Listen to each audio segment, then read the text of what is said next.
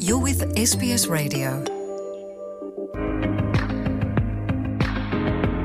ሰላም ጥዕና ሃብልና ከመይ ኢልኩም ቀኒኹም ክብራ ተኸታተልቲ ስፔስ ትግርኛ ጸብጻባት ናይ ሰዓት ሒዝና ቀሪብላንና ፈለማ ኣርእስታቶም ከነቐድም ሓዱሽ ፕረዚደንት ሶማልያ ኣብ ኤርትራ ምብጻሕ የካይዱ ኣለዉ። ኣብ ምረቓ ወተሃደራት ሶማልን ዝተሃንጹ ትሕተ ቅርጺ ልምዓት ኤርትራን ተረኺቦም ከም ዝተዓዘቡ እውን ተገሊጹ ኣሎ። ኣብ ኣዲስ ኣበባ ሓዱሽ ማዕበል ማእሰር ዜጋታት ከም እተጀመረን ሓላፊ ርክባት ወጻኢ ባይቶ ንዓባይ ትግራይ ፖለቲከኛ ክብሮም በርሀ ዝርከቦም ሰባት ከም ዝተኣስሩን ተገሊጹ። ኣብ ኣውስትራልያ ዝነብሩ ተጋሩ ኣውስትራልያ ኣብ ኢትዮጵያ ዝፍጸም ዘሎ መንነት መሰረት ዝገበረ መጥቃዕቲ ጠጠው ከብል እኹል ጻዕሪ ኣይገበረትን ምባሎም እውን ጸብጺቡ ኣሎ። ኣብ ኢትዮጵያ ልዕሊ ክልተ ነጥቢ ትሽዓተ ሚልዮን ተምሃሮ ካብ ትምህርቲ ከም ዝበኸሩ ውድብ ሕቡራት ሃገራት ኣፍሊጡ። ርእሰ ከተማ ክልል ቤንሻንጉል ጉሙዝ ኣብ ዝኾነት ኣሶሳ ሰዓት እቶእቶ ከም ተኣወጀ ተገሊጹ ዝብሉን ካልኦት ጸብጻባትን ሒዝና ቀሪብና ኣለና። ናብ ዝርዝራት ውን ክንሓልፍ ምሳና ጽንሑ። ሓዱሽ ፕረዚደንት ሶማልያ ኣብ ኤርትራ ምብጻሕ የካይዱ ኣለዉ። ኣብ ምርቓ ወተሃደራት ሶማል ተረኺቦም ንልምዓታዊ ንጥፈታት ኤርትራ ከምተዓዘቡ እውን ተገሊጹ ኣሎ። ኣብ ዝሓለፈ ወርሒ ግንቦት ዝተመርጹ ሓዱሽ ፕረዚደንት ሶማልያ ሓሰን ሸኽ መሓመድ ኣብ ኤርትራ ናይ ኣርባዕተ መዓልትታት ምብጻሕ ንምክያድ ብቐዳም ኣስመራ ብምእታው ምስ መዘነኦም ፕረዚደንት ኢሳያስ ኣፈወርቂ ተራኺቦም። ሚኒስትሪ ዜና የማነ ገብረመስቀል ብትዊተር ኣብ ዘርግሕዎ ሓበሬታ፣ ክልቲኦም መራሕቲ ኣብ ኤርትራ ክዕለሙ ዝጸንሑ ወተሃደራት ሶማል ከም ዘመረቑ'ውን ገሊጾም። ብተወሳኺ ክልቲኦም መራሕቲ ኣብ ደቡብ ክፋል ኤርትራ ንዝተሃንጹ ሓጽብታት፣ ፍርያት ጸባን ውጽኢት ጸባን፣ ካብ ጸሓይ ሓይሊ ዘመንጩ ሶላራት ከም ዝተዓዘቡ ሓቢሮም። ፕረዚደንት ሓሰን ሸኽ መሓመድ ኣብ መወዳእታ ግንቦት ስልጣን ኣብ ዝተረከብሉ ስነ ስርዓት ኣብ ዘስምዕዎ መደረ፣ ኣብ ኤርትራ ዝርከቡ ሓሙሽተ ሽሕ ወተሃደራት ሶማል ብቕልጡፍ ናብ ሃገሮም ክምለሱ ምዃኖም ምግላጾም ዝዝከር እዩ። ቅድሚኦም ፕረዚደንት ሶማልያ ዝነበሩ መሓመድ ዓብዱላሂ ፎርማጆ'ውን ኣብቲ እዋን ሓሙሽተ ሽሕ ወተሃደራት ሶማልያ ኣብ ኤርትራ ስልጠና ይወስዱ ከም ዘለዉ ዝገለጹ ንፈለማ እዋን ምዃኑ እዩ። ኣብ ኤርትራ ዝጸንሑ ወተሃደራት ሶማልያ ኣብ ኲናት ትግራይ ኣብ ጎኒ መንግስቲ ኢትዮጵያ ብምዃን ከም ዝተሳተፉ ዝገልጹ ጸብጻባት ክወጹ እኳ ዝጸንሑ እንተኾኑ መንግስቲ ሶማልያ ግን ክነጽጎ ጸኒሑ እዩ። ሕጂ መራሕቲ ክልቲኤን ሃገራት ዘመረቕዎም ወተሃደራት ሶማል ንልዕሊ ሰለስተ ዓመታት ኣብ ኤርትራ ዝተዓለሙ ከምዝኾኑ ዝተገልጸ ኮይኑ ቁጽሮም ክንደይ ምዃኑ ግን ኣይተነጸረን። ኣብ ኣዲስ ኣበባ ሓዱሽ ማዕበል ማእሰርቲ ዜጋታት ከም ተጀመረ ተገሊጹ።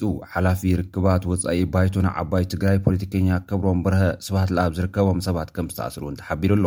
ኣብ ኣውስትራልያ ዝነብሩ ተጋሩ ኣውስትራልያ ኣብ ኢትዮጵያ ዝፍጸም ዘሎ መንነት መሰረት ዝገበረ ምጥቃዕት ጠጠው ክብል እኹል ጻዕሪ ይግበረትን ምባሎም እውን ዘ ዌስት ኣውስትራልያን ጸብጺቡ ኣሎ። መንግስቲ ኢትዮጵያ ናብ ትግራይ ሰብኣዊ ረድኤት ንክኣቱ በይንኣዊ ስጉምቲ ምቁራጽ ተኹሲ ካብ ዝእውጅ ንደሓር ዝተመሓየሸ ዝመስል ዝነበረ ማእሰርቲ ዜጋታት ከም ብሓዱሽ ደጊሱ ኣሎ።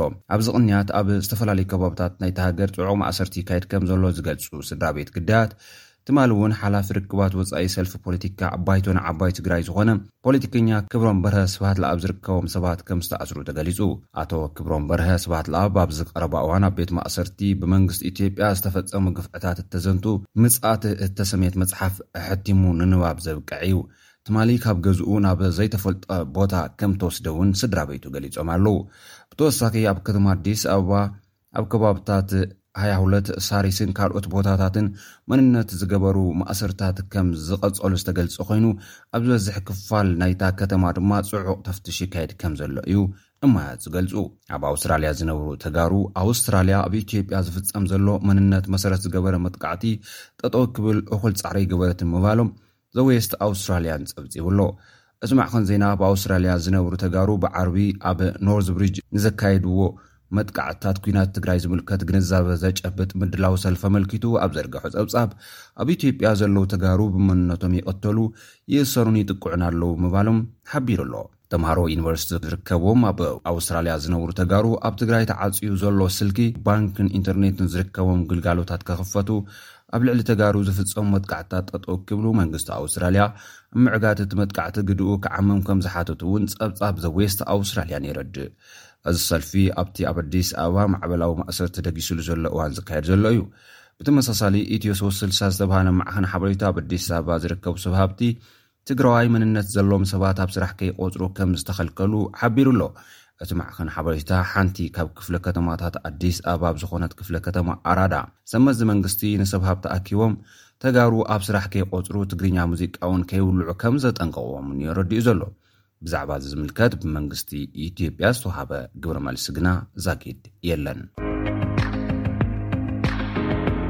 ውድብ ሕቡራት ሃገራት 2.93 ሚልዮን ህፃናት ብሰንኪ ደርቅን ኩናትን ካብ ትምህርቲ ከም ዝበኸሩ ኣፍሊጡ እቲ ትካል ከም ዝገለጾ 2.53 ሚልዮን ህፃናት ብሰንኪ ኩናት 401 ሽሕ ህፃናት ድማ ብሰንኪ ደርቂ እዮም ካብ ትምህርቲ በኺኖም ዘለዉ ውድብ ሕቡራት ሃገራት ቅድሚ ሕዚ ኣብ ዘውፅኦ ፀብፃብ ኣብ ትግራይ ብሰንኪ ኲናት ሓደ ነጥቢ ሰለስተ ትሽዓተ ሚልዮን ተምሃሮ ንሳልሳይ ዓመት ካብ ትምህርቲ በኺሮም ኢሉ ነይሩ። ኣብቲ ናይ ሕዚ ፀብፃብ እውን ሰማንያን ሓሙሽተን ሚእታዊት ኣብ ትግራይ ዘለዋ ኣብያተ ትምህርቲ ከምኡ እውን ኣብ ክልላት ዓፋርን ኣምሓራን ኣርባዕተ ሽሕን ኣርባዕተ ሚእትን ኣብያተ ትምህርቲ ወንበርን ሰደቓን ከም ዘድልየን እዩ ዝሕብር። እዚ ኣብ ተምሃሮ ገጢሙ ዘሎ ብኩራት ትምህርቲ ኣብ ክልተ ሽሕ ዕስራን ሰለስተን እውን ብሰንኪ ደርቂ ቁፅሩ ክውስኽ ከምዝኽእል እዩ ኣጠንቂቑ ዘሎ። ዩኤንኤቻኤ ከምዝፀብፀቦ ብሓፈሻ ኣብ ኢትዮጵያ ልዕሊ ዕስራ ሚሊየን ህዝቢ፣ ኣብ ትግራይ ከምኡውን ካልኦት ሰማያናዊ ክፋል ኢትዮጵያ ዓሰርተ ሰለስተ ሚሊየን ህዝቢ ንሓደጋ ጥሜት ተቓሊዑ ቀረብ መግቢ ከምዝደሊ እዩ ኣረዲኡ።